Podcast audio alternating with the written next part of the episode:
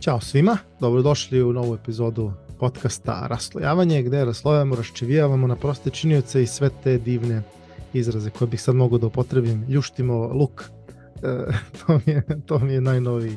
E, sa mnom Tihomir Opačić, moj ime je Miloš Đekić. A tema za danas, u mom mišlju, uber interesantna. E, pričamo o dve specifične role u kompanijama e, gde, koje su na neki način potpuno suprotne. S jedne strane imamo kako kažu individual contributor, odnosno individualnog kontributora i imamo sa druge strane menadžera.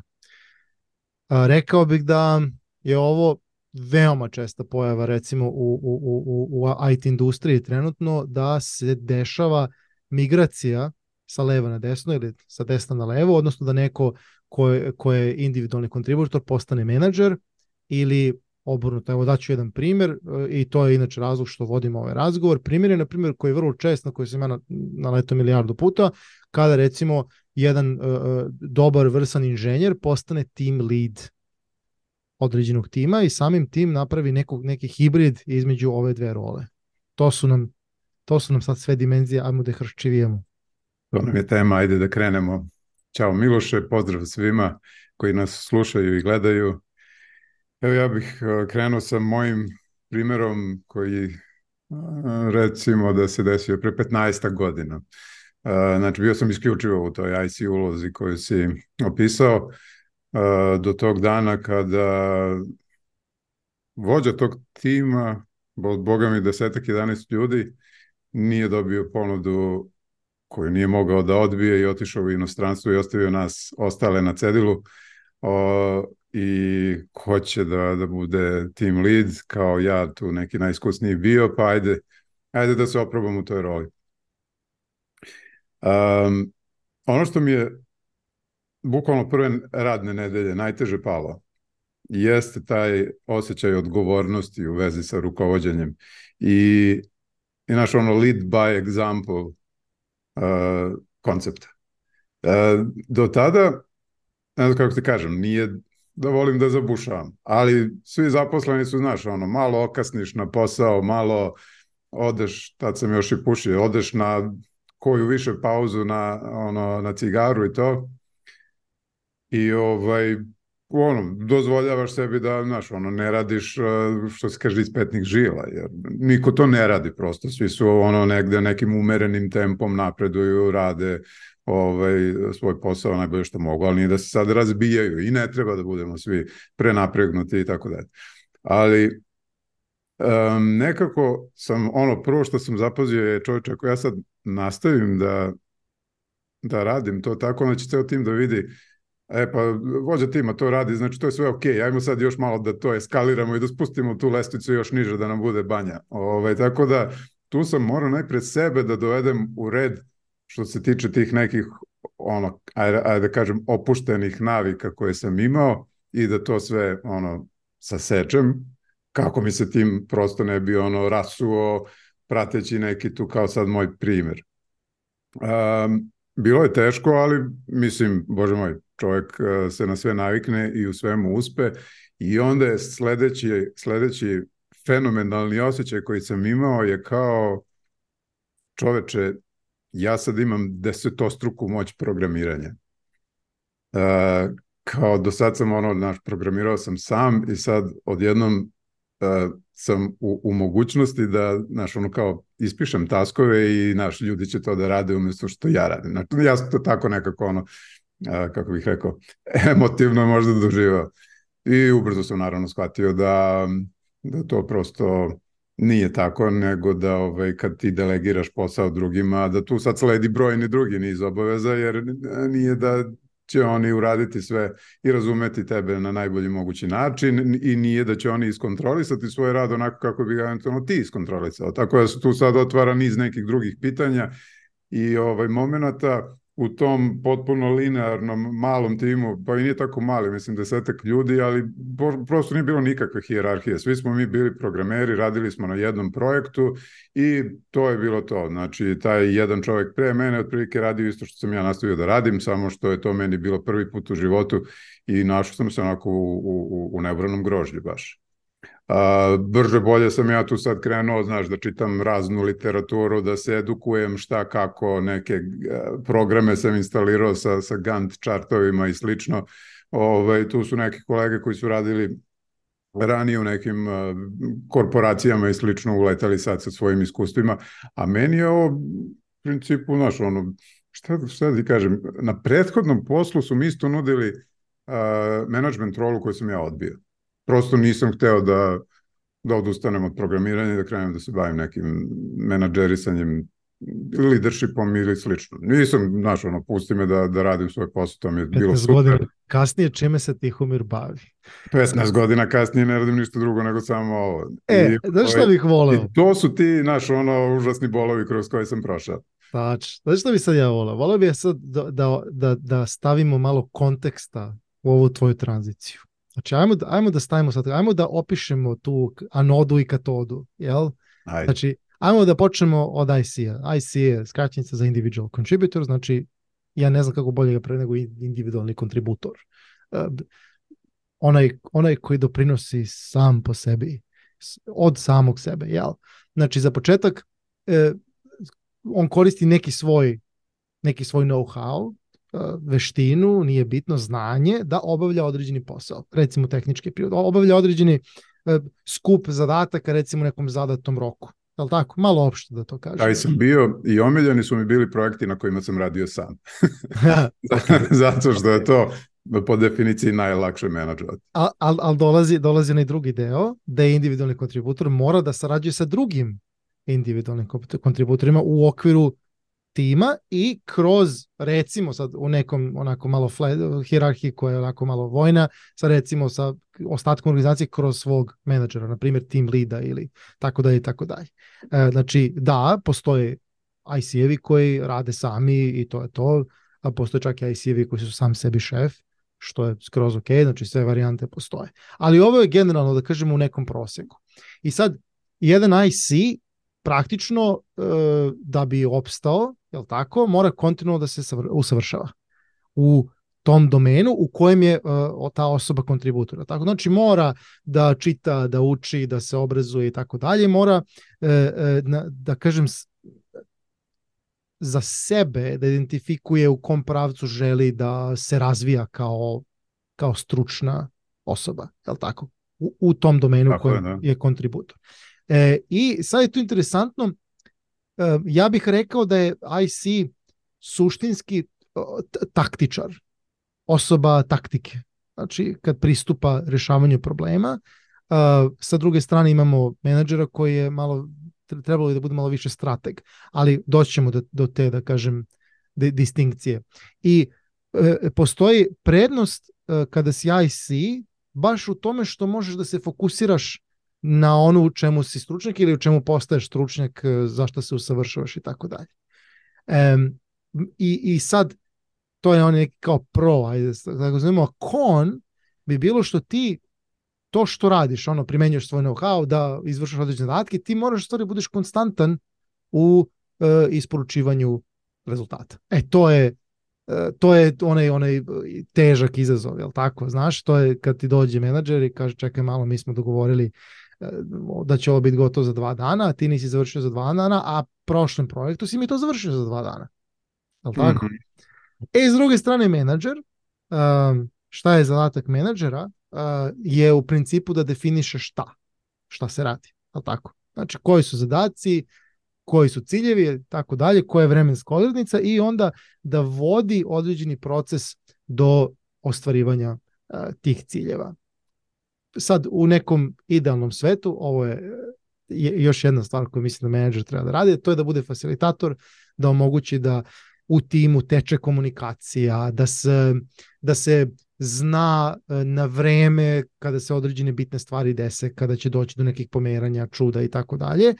Takođe i da razrešava lične konflikte i profesionalne konflikte, što je, kažem, u idealnom svetu, da mm -hmm. budemo realni, jer nije svako dobar facilitator, to je veština koja se uči i tako dalje i tako dalje. E, za razliku od um, IC-a, koji uglavnom taktički pristupa zadacima, znaš, to je ono, ja znam tačno šta treba da uradim i sada ću ja da vidim koje su mi sve potencijalni putevi, pa ću da izaberem optimalan i re, idem da rešim problem.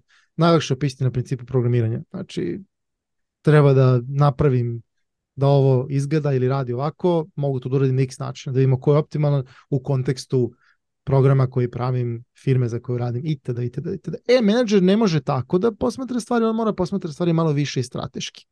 Jer strateški znači da mora da postoji neka, neka, neko preklapanje sa nekim višim opštim ciljevima organizacije i tako dalje. A ne može u potpunosti da bude strateg, mora uvek i menadžer da bude malo taktičan. Evo kad dođemo do te facilit, facilitacije, razrešavanje konflikata, to, to mora malo taktika da se, da se ovaj, primeni. Um, I šta je, da kažem, uh, pro, uslovno rečeno, benefit toga što si menadžer, zato što uh, iako ti ne radiš posao, ti, uh, što bi rekli, ti slaviš pobedu. Znači, ti slaviš pobedu. Menadžer X je izneo projekat do kraja nema veze što je 10 ljudi ono tabanalo da bi se to da. desilo. Znači prosto dobiješ priliku da neki način da učestvuješ u uspehu organizacije, po, a, a takođe i uspehu tih ljudi koji su pojedinci, pojedinačni kontributori u timu. E, a problem, problem, onaj, onaj pritisak, kao što ga ima uh, jedan IC koji mora uvek, uvek da se usavršava, jednostavno ne možeš da stojiš u mestu i uvek moraš da budeš konzistentan u, u, u, u ispunjavanju zadataka, pritisak je što imaš taj teret ako doneseš pogrešnu odluku. To je, to je sve. Znači, postoje posledice dobrih odluka, postoje posledice loših odluka i moraš e, prosto da se suočiš i sa jednim i sa drugim. Um, to je, to je bukvalno to. Naravno, kad dođemo do onoga u idealnom svetu, ako, ako je menadžer i facilitator, e, ni malo nije lako naći se u sredini konflikta između dva um, između dvoje kolega, na primjer, na poslu, to je izuzetno teško zapravo.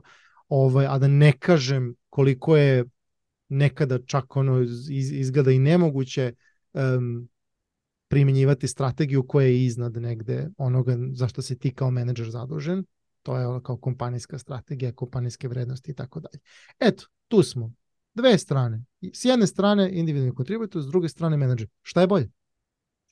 Um, Ja bih se možda pre samo zapitao kako nastaju jedni, kako nastaju drugi, odnosno kako prvi biraju svoju ulogu, kako drugi biraju svoju, pod uslovom da ih prosto okolnosti u životu nisu dovele u te pozicije. Decu Ajde ne da... donose rode, toliko znamo, znači znamo yes. kako, kako nastaju.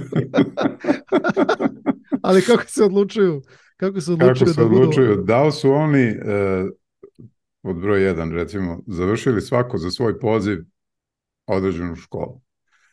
I IC postao IC u svom domenu, ajde uzmemo za, za primer programiranje, a menadžer postao prosto menadžer. Bez mnogo znanja o uh, uslugama recimo ili uh, industriji, branši, kojom će kompanija u kojoj će se on zaposliti bavi. Što znači, menadžer dolazi sa nekim menadžerskim skillovima, ali ne zna mnogo, na primjer, o programiranju, da bi menadžovao taj tim programera koji radi u kompaniji X. Um, I onda imamo situaciju gde programer kroz svoju karijeru, znači IC, postaje u nekom trenutku team lead i u nekom trenutku postaje menadžer.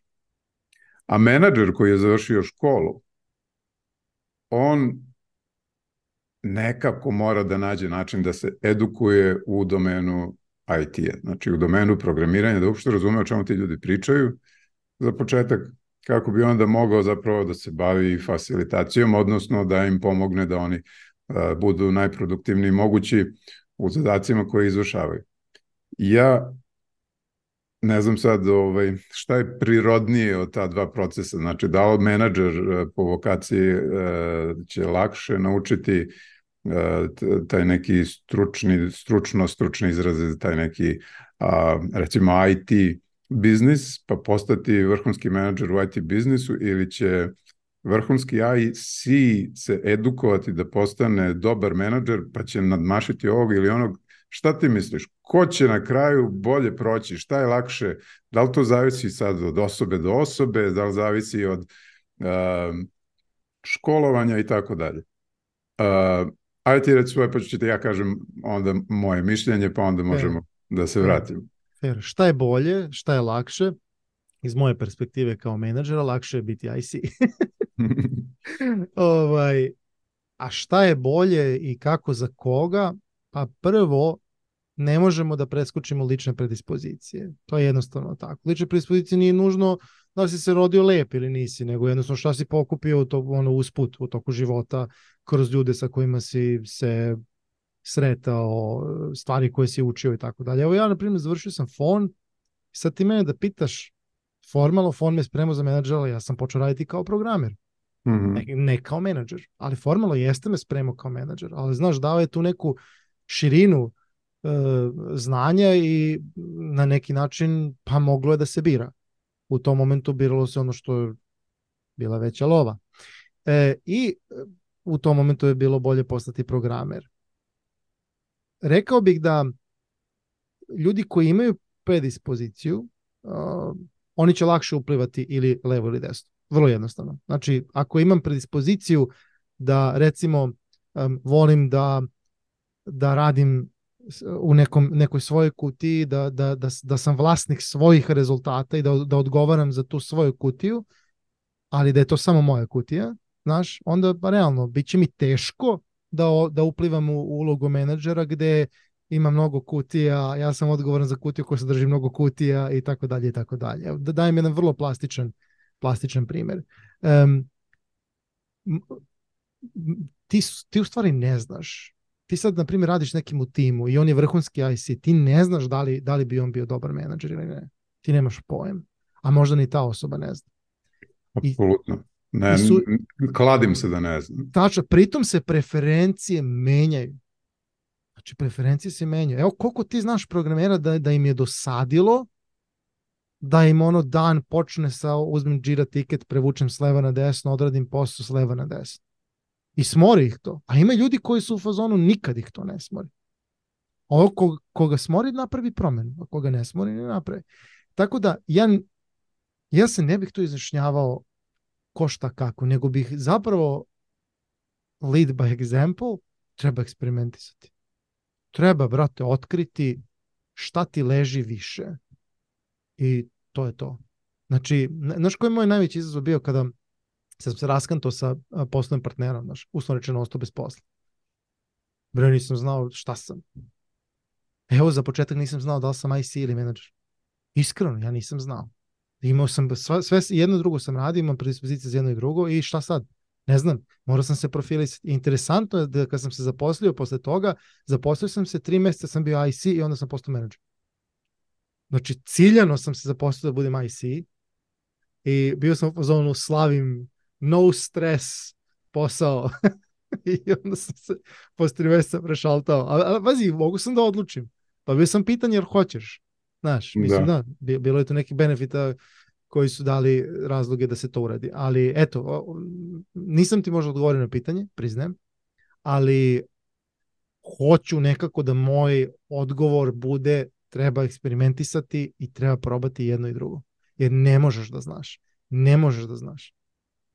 Vidi, ja mislim da da je tvoja pozicija idealna pozicija u tranziciji iz uh, IC-a do menadžera. Zato što ti si pre nego što si odlučio da postaneš programer, učio za menadžer i stekao si tamo nekakve osnove. Upoznao si se sa osnovnim pojmovima u menadžmentu ljudi, kako se formiraju grupe, kako se vode, šta je liderstvo i tako dalje.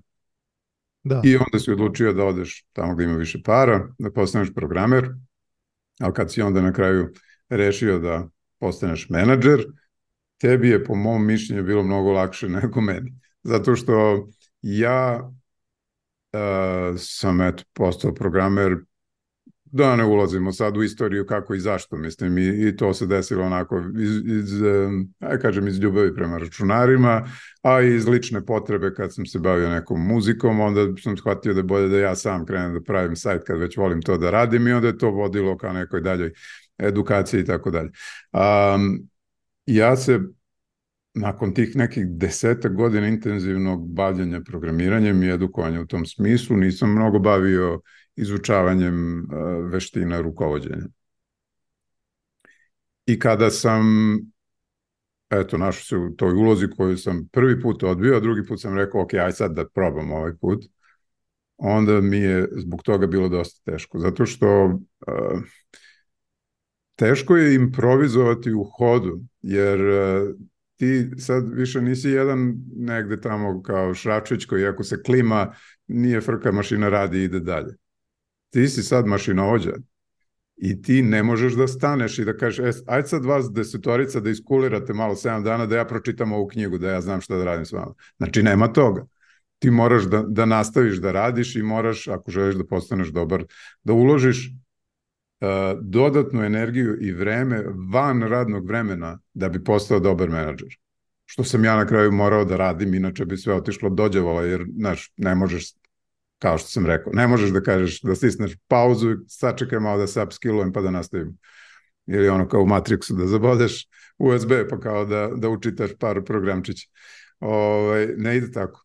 Zato mislim da um, i menadžeri koji uđu sa, mislim, ono, predznanjem, koji su školovani menadžeri, će lakše postati dobri menadžeri u IT firmama ako su stvarno dobri u svom poslu i ako razumeju šta znači rukovoditi a, timovima ljudima, a, pre nego neki ono, programer koji kom to nije bila sfera interesovanja u životu i koji se eto našao u poziciji bilo da je želeo da započne sobstveni biznis ili se eto ono mislim okolnosti su prosto takve da si najstariji u timu, pa recimo vlasnik firme ili, ili tvoj šef zahteva od tebe da, da vodiš tim zato što ne postoji niko sposobniji od tebe u tom trenutku da ga vodi ili slično. To je ono mojih, što se kaže, 5 centi na, na tu temu. Dobro, 5, 6, 7, ima tu 7 centi da. kako, kad se sve sabere. Gledaj, e, knjiga, knjiga pomaže ali ti vrlo dobro znaš da dok ne prođeš kroz to, ne znaš ništa. Mada je naravno uvek bolje imati predstavu. Ja kažem svima, kada je trebalo da dobijemo dete prvo, mi smo kupili knjigu, uh, konkretno knjiga je What to expect when you're expecting. Među vremenu su preveli na srpski, tako da ima i kod nas da se kupi. Topla preporuka ima posle šta da očekujete dok ste trudni, pa onda prvoj godini, drugoj, to nije bitno, imaju oni bestsellerije i sa dobrim razlogom. Zašto smo uzeli tu knjigu?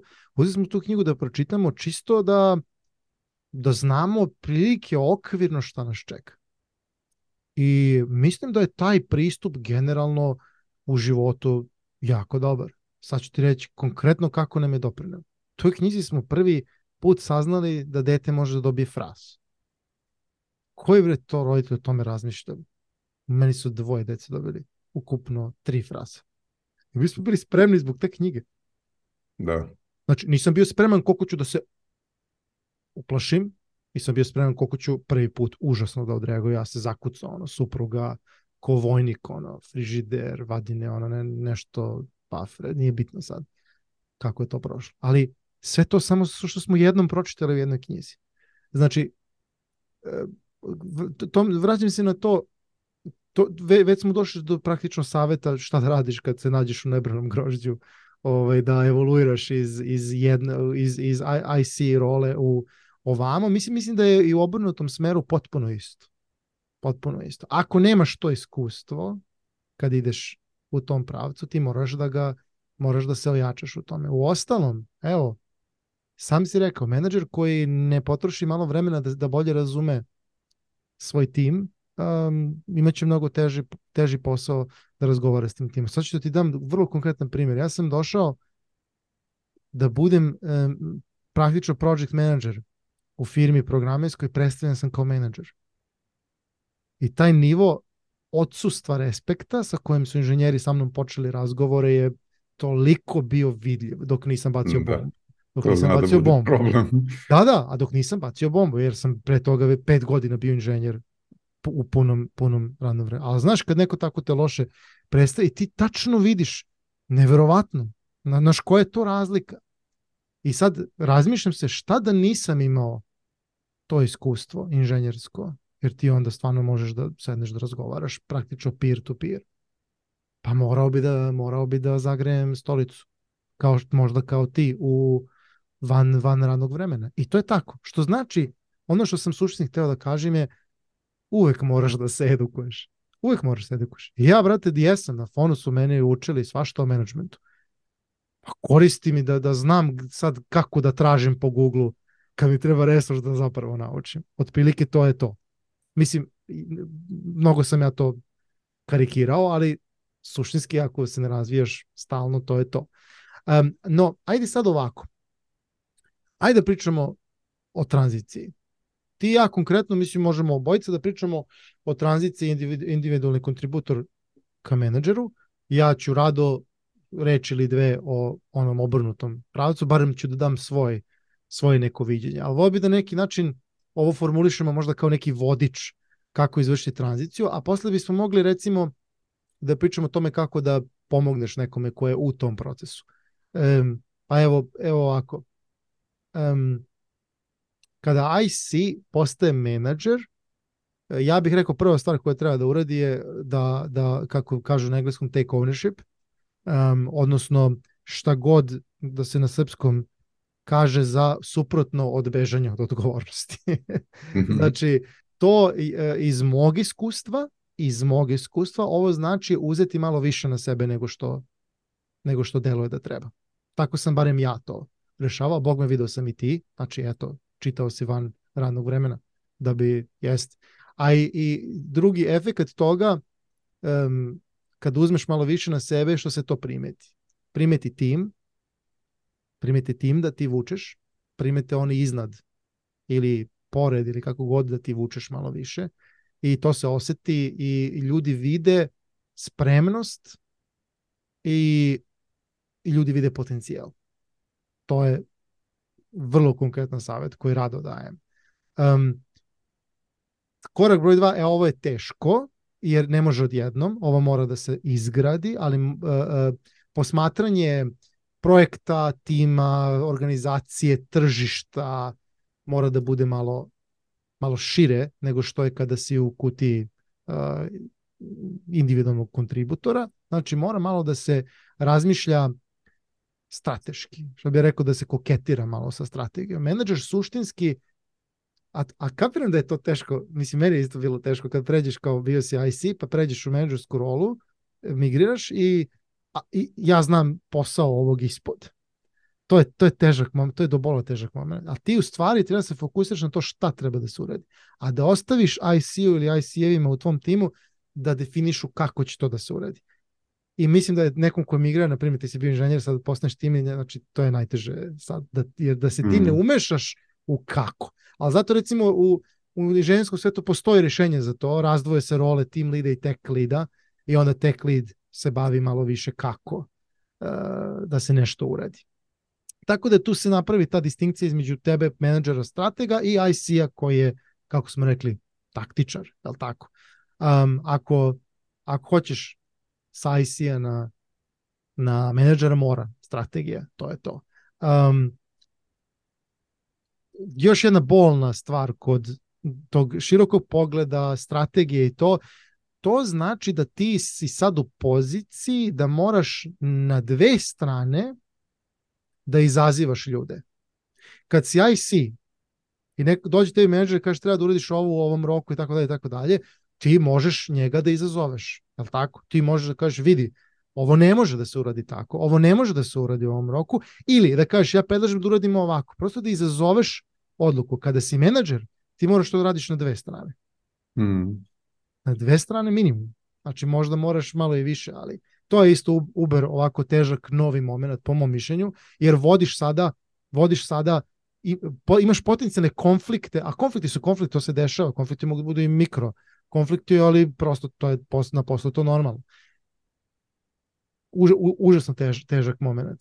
I na kraju, um, ovo je možda čak i najbolji savjet po mom mišljenju, um, treba upravljati bez titule. Šta to znači? Um,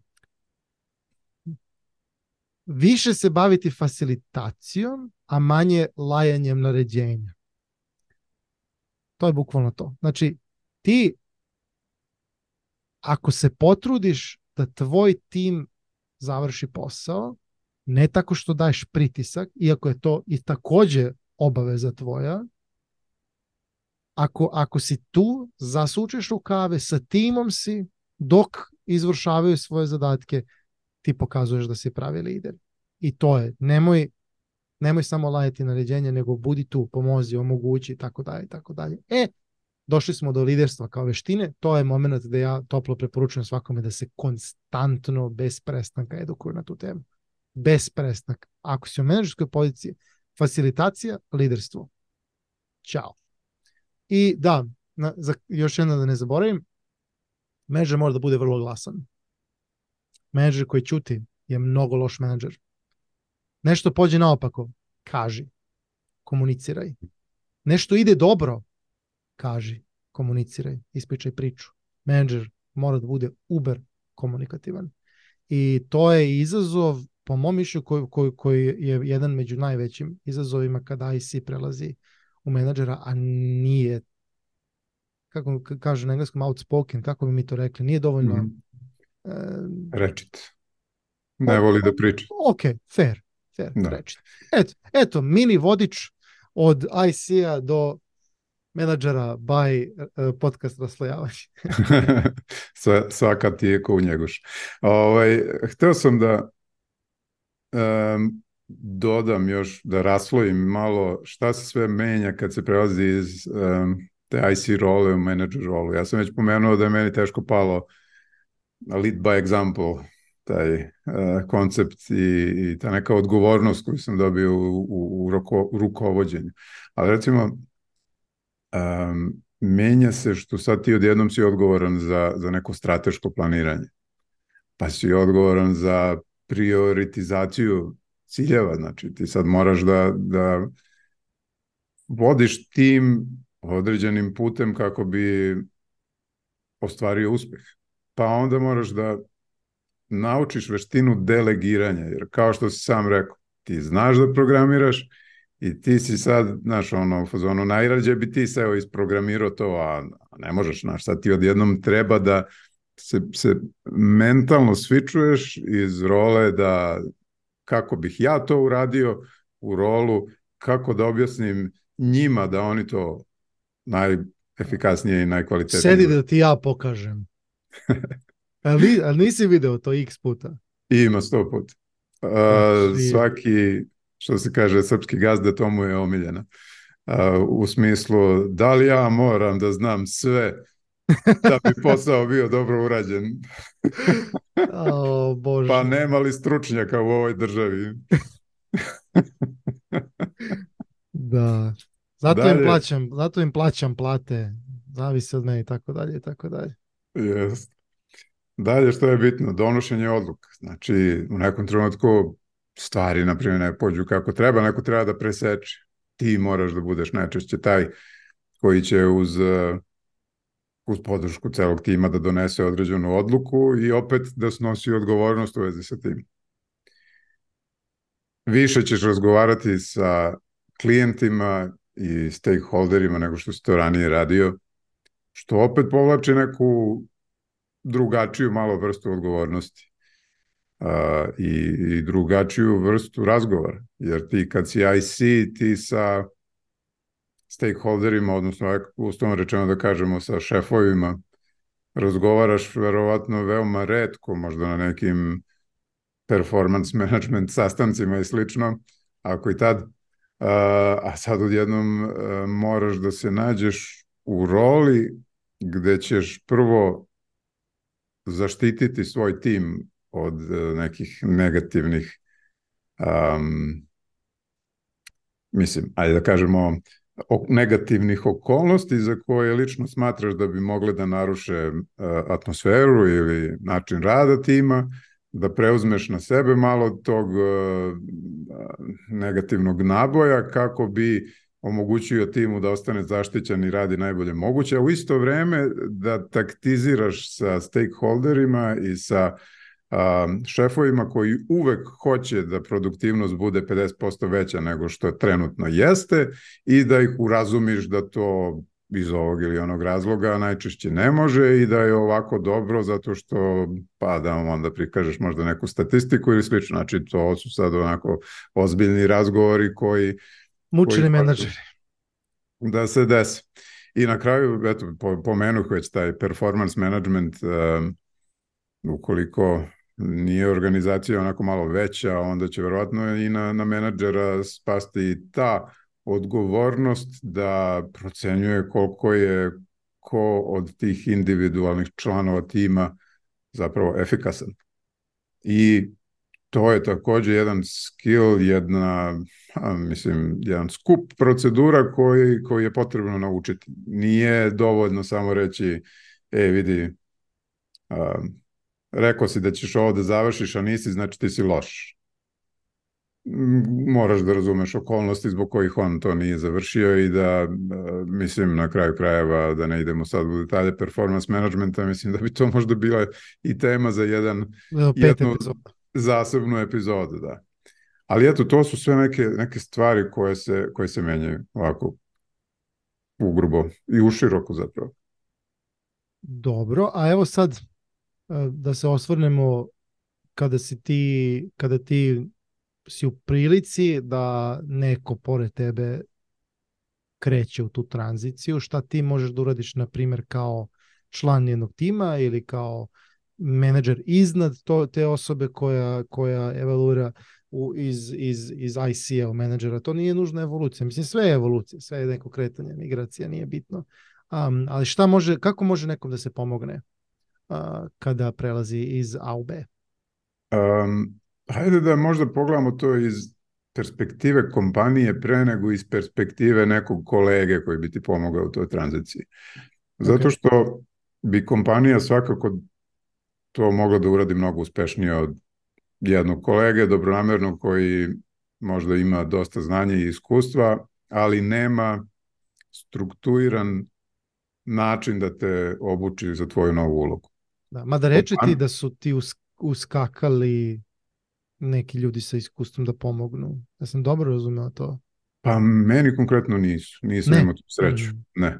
Ove, I tih uh, taj period od 12 meseci ovaj, je bio onako dosta pa mislim na kraju uspešan, mislim, ali težak. Zato što ja ne samo da nisam imao pomoć kompanije, nego nisam imao ni pomoć kolege i morao sam sam da pronalaz, mislim, pomenuh da, da, da sam imao podušku kolega programera koji su radili u nekim drugim firmama gde su videli neke menadžere kako obavljaju svoje, svoje, svoje poslove, pa su mi tu bacali neke hintove tipa ajde, evo ti ovaj ti je software dobar za, za Gantt chart, gledao sam da ga koristi Žika. I ovo, eto, ali to je bilo u tom... U Žile tom, Gantt. Jeste tog, tog nivoa. Ali ako bi kompanija uh, donela neki, pa ne bih rekao procedure, kako da pomogne ICU da evoluira u tim lida ili u, menadžera, makar neki onako zdrav plan i da određeni tim ljudi e, iz lidera iz te kompanije sednu i upregnu mozgove i smisle, ok, ajde, hoćemo sad Miloša da promovišemo iz, iz role uh, IC-a u rolu menadžera, zašto mislimo da bi on to super radio, ali šta će njemu sve biti problem. I onda da mu obezbede, na primjer, neku vrstu mentorstva, neki leadership trening, da olakšaju posao tako što možda neće da bude ono dramatičan, drastičan rez, nego da krene se možda part-time management, part-time da ostane da programira pa da se polako svičuje sve više i više u rolu menadžera, da se na kraju krajeva posmatra način na koji taj čovjek evoluira u tu rolu i da se na tim nekim retrospektivama, na review sastancima razgovara šta bi moglo da bude bolje ovaj, na neki onako otvoren i konstruktivan način. I onda taj čovjek ima osjećaj da, da ne ide nekim ono stranputicama, pa ne zna da li ide u pravom pravcu ili ne, već ima određenu sigurnost da svakih 10-15 dana možda nekomu ono kaže ok, ide ti super, samo nastavi tako ili ćemo reći je vidi ovo malo popravi, nisi u pravu za ovo ili mislim da bi ovo možda mogao da uradiš na drugačiji način. Neka korekcija u realnom vremenu. Tako je, tako je, jer mislim ja sam ono veliki zagovornik uh, tog instant feedbacka, jer Apsolutno. Naš, čim vidiš efekat, uh, odmah uh, možeš da reaguješ i da koriguješ pravac kretanja. Tako da u, u smislu um, nekog, nekog ko, ko zapravo vodi tebe, koji si se našao u roli da vodiš druge, uh, to ja mislim idealan scenarij. Ali je potrebno, ja mislim, um, kompanija koja bi, bi donela otprilike taj neki plan ili ako je pojedinac u smislu može to, evo jedan scenario a, recimo da, da, da sam ja tu u toj ulozi menadžera koji vodi tim od 10 ljudi i odjednom se našao u poziciji da šta god, da se popnem jednu stepenicu više u, u toj nekoj hijerarhiji zato što bih doprineo kompaniji mnogo više u toj roli, a moram da dovedem nekoga na svoje mesto. E onda bi i za mene bila veoma povoljna ta situacija da ja postepeno evoluiram u tu višu rolu dok nekoga postepeno uvodim u moju. Da, da. Što je suštinski da delegiranje. Suštinski polako, delegiranje polako. Tako je, da. Polako se ovaj penjemo i jedan i drugi i ovaj ulazimo u, u te neke nove pozicije. Imam konkretnu priču iz moje današnjice vezano za, za taj transfer iz ICO menadžera koji trenutno ne ide dobro. I gde ovo što ti govoriš je bukvalno ono što je izostalo. Znači, e, e, firma je tehnička, inženjerska, imamo bukvalno team lida, iznad team lida ima VP of engineering, iznad e, VP of engineering ima CTO, čitava hierarhija. I postavljen je, postavljena osoba na to, na to mesto team lida, ali nije bilo edukacije. Ništa. Nego snaći će se, samo je bitno da postavimo dobar, dobre, dobre očekivanje. To je takav neki, neki moment. I sad ti ono što uvidiš kada je dovoljno velika organizacija, ti uvidiš koliko god ti dobro da modeluješ proces, napraviš, gledaš kako će ljudima biti lakše da naprave vrednost ili šta već nije bitno, na kraju dana, ako ti menadžeri nisu dovoljno osposobljeni i omogućeni da to sprovedu, to se desiti neće. I tako propadaju procesi, tako ljudi budu frustrirani odlaze i tako dalje i tako dalje. I sad firma pokušava da ulaže u e, edukaciju, ali po mom mišljenju prekasno, jer predugo je menadžer ostavljen da radi sam, sa samo očekivanjima i popravit ćemo sve procesu. Što vidi, greška kao i sve druge, dešava se, ne, nećemo sad da proganjamo, a, gadni CTO i VP of Engineering, baš to zeznete, vam posle, trudili su se oni, a međutim, e, prekasno. Mm -hmm. I sad recimo ja sam, ne, nisam deo inženjerske organizacije, ja sam deo product organizacije i ja sad recimo kukam konstantno, vršim pritisak zato što moram zbog tog menadžera, ja želim da njega vrate u status IC-a i da ili zaposle novog menadžera ili promovišu nekog od drugih članova tima u menadžera potpunosti znajući kakve su posledice toga. Znači, po smislu menja konfiguracije tog tima, potencijalno e, gubljenje nekih ljudi i tako dalje i tako dalje. Potpuno svesno ja recimo tražim tu promenu. I zato što, znaš, rezultati sve govore. Jasno je sve. Znaš, kad pogledaš šta, se, šta je pošlo loše, tačno ti je jasno šta je slaba karika i moraš nešto po tom, moment, po tom pitanju da uradiš. I njihov odgovor poslednji na primjer, bio sad ćemo mi još edukacija. Ja sam rekao, ok, sad po, digo, diživamo gledalo, koliko kvartala ste potrošili na edukaciju i zašto nije uspelo. I sada je čitavo zbog toga nastala fraka. I jedini razlog što je to se desilo, što nije od dana jedan, čekaj, ja IC-a postavljam za menadžer, on to nikad nije radio pre. I prođemo sad kroz ono, ono što si sve ti naveo, kako moraš da omogućiš tu osobu. E, da je svega toga bilo, ja sam ubeđen da bi to uspelo. Jer ima, ima imalo je tu elemenata za, takav, za, takav, za takvu migraciju.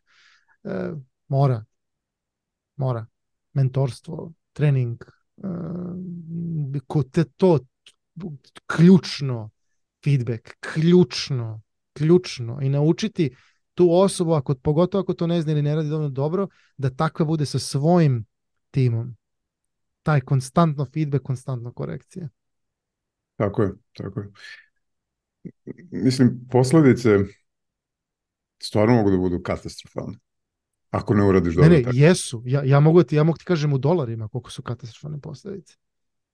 Ali u glavama ljudi, mislim, ako ne i u samoj mislim, motivacija, organizaciji. motivacija minus milion, frustracije u svim ono kanalima hijerarhije i tako dalje.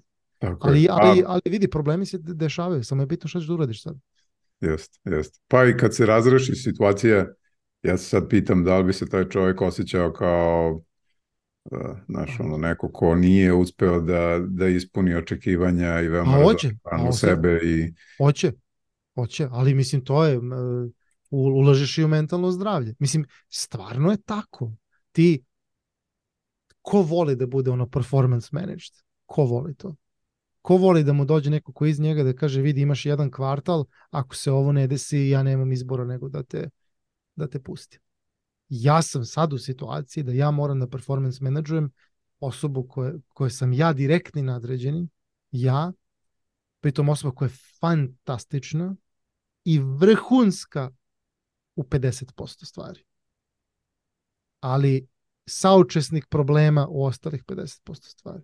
I ako tih 50% ne možeš se ispravi, ja nemam izbor. I to je ono, znaš, koliko dugo ćeš... 10% vezano za neki management uh, Management. Procese ili... Me, ma, management. management. Mm, To je ono što, mislim, mo- o tome možemo da pričamo. Ja ću vrlo rado konkretne primere, samo daj da se prvo raščivija ta situacija, da imam kompletnu sliku, da nije ono, neko čuje i prevede podcast i kaže, o, o čekaj malo. Znaš, ali mislim, ono, da dok dođe ova epizoda na, na ovaj live, a, da će to verovatno biti rešeno. da na, na ovaj ili na onaj način. Ostavit ću pinned comment. Da. Otpustio sam ga. Nadam se da nije taj komentar. Dobro, Miloše, ja mislim da smo dosta dobro raslojili ovo. Jesi hteo još nešto možda da dodaš na ovu temu? A šta znam, em, možda, možda samo na jedan onako milisekund da se vratimo na menadžer lider. Um, menadžera slušaš zato što ima titulu i takav je ugovor u firmi. A lidera slušaš i pratiš zato što znaš da ide iza tebe i za sebe u dobrom pravcu. I to mora da se napravi, to mora da se nauči. Um, nismo uopšte ni pomenuli kako izgleda tranzicija nazad, što bi rekli, pošto ti i ja gledamo iz pravca, iz, iz, iz te perspektive, nazad, znaš, ali ja mogu, mogu da kažem da izgleda fenomenalno. Izgleda fenomenalno. Zašto? Zato što svi oni tereti o kojima smo pričali, koje natovaraš u jednom pravcu, svi samo nestanu preko noći. Tolika neka odgovornost samo prestane. Tako da je vrhunski i ne treba se uopšte razmišljati ovaj, da će biti nekih izazova. Tu neće. Neće biti nikakvih izazova. Biće ekstra. To je da, dobro rečeno. Što se liderstva tiče, ja bih dodao još da neki uh, primeri današnjih vođa, ajde opet u IT industriji, ne znam, ja ih, ja, uh, oni jesu svi uspešni ljudi, recimo, ali uh, kad Ali bljak, bljak. da udubiš kažem. u način na koji oni vode, to je baš onako loše. Goniči robova. Tako je.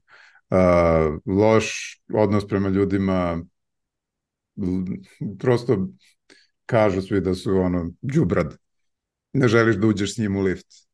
Ali ti je napravio pare. I to je, se napravio pare i mega svet slavi. koju će svet pamtiti. to je to. A- Sla, to, to je ono što se slavi. Ti jednostavno ne možeš da pobegneš od toga. Šta, je, šta danas ljudi gledaju kao uspeh? A ono, Instagram, uh, život. Ono, znaš, besna kola, ze, ono, ludilo od stana. To, mislim, Šta da radi? To je, to je sve uzročno posljedično. To što, što, je, što su proslavljeni ljudi koji su prokleti goniči robove, razumeš, koji u bilo kom drugom kontekstu bi se s njima obračunao, ti ne, ti ne možeš da pobegneš od toga zato što ne, ne slave njih, slave njihove rezultate, a njihove rezultate su isključivo vezani za taj lifestyle i, i law. Da, ali ako uđeš sad, ako uđeš u bilo koju knjižaru i uzmeš tri knjige o liderstvu, baš o liderstvu kao veštini, okreneš naopako i tamo imaju one kao bullets, šta o čemu ova knjiga govori, vjerojatno će većina njih biti u, u fazonu ne slavite svoju pobedu, slavite pobedu tima, morate znaš, da se dobro odnosite prema timu zato što će tim tako bolje funkcionisati. Znači, otprilike bit će 80% suprotno od onoga što vidimo da u praksi deluje i funkcioniše. I gde su onda oni idealni, dobri lideri koje svi vole, da je tipa Mahatma Gandhi, gde je on u biznisu? U biznisu teško. Na, na tim, na tom visok, na, koj, na tom visokoj skali jako teško. Ali to je, evo recimo, ja ću biti vrlo, vrlo direktan u tom. Zato ja nikad neću raditi u Apple, Google, Amazonu, zbog te high performance kulture koje se na kraju obavezno svodi na gonjenje robova. Kada dođeš dovoljno, dovoljno da kažem, daleko u hirarhiji kad doguraš. Ja lično, evo gledam firmu u kojoj se sad nalazim i veličinu, scale, jel tako, i koji je sledeći korak, vrlo dobro znam koji je sledeći korak i vrlo dobro pitanje da li je sledeći korak za mene. I da li ćeš hteti da Absolut, ga preduzmeš? Apsolutno, zato što ja tražim, ja sad posle godine iskustva i to i te kakvog iskustva koju mogu pričam satima, danima, mesecima, godinama, apsolutno ne želim da radim sa goničima robova, apsolutno ne želim da radim sa toksičnim ljudima, apsolutno ne mogu ne želim da radim sa ljudima koji su ono unmanageable što ja kažem, koji su nemogući. I imam recimo i, i ovde imam gde sam sad takve ljude, ali mogu da kompartmentalizujem jer je dovoljno velika uh, dovoljno je velika firma da, da, da imam tu mogućnost, a opet uh, nije previše velika pa da jednostavno ima više, više primjera te toksičnosti, tih užasa. Ove, ovaj, tako da, eto, ja ne bi nikad radio zelena maska. To da, to. ja, ja iskreno mislim da ako se nađeš u društvu takvih ljudi ili ćeš postati kao oni ili ćeš biti istisnuti ili ćeš samo tići. Pa ili će da ti, što bi rekli, e, dopizdi, pa ćeš da uzmeš jednu motku i da napraviš sebi problem do kraja života. Dobro, to je, to je da, da odeš na uh, način koji je e, da, jer opcija. živopisniji od zatvaranja dupetom vrata. e, ok, fair, fair. Hvala Tihomir, uživao sam. Um, e, imamo drugačije puteve, opet slične, ali vidiš, ne, ne možeš da, da pobegneš. Nisi hteo, tu si gde si tu sam gde sam, to je nekako dokaz da uh, godinama ljudi na kraju prođu slične puteve ako su u istoj industriji i pre ili kasnije iskusiš sve i nađeš se tamo gde u ovom trenutku verovatno i treba da budeš. Tako je. Do sledeće epizode. Ćao svima.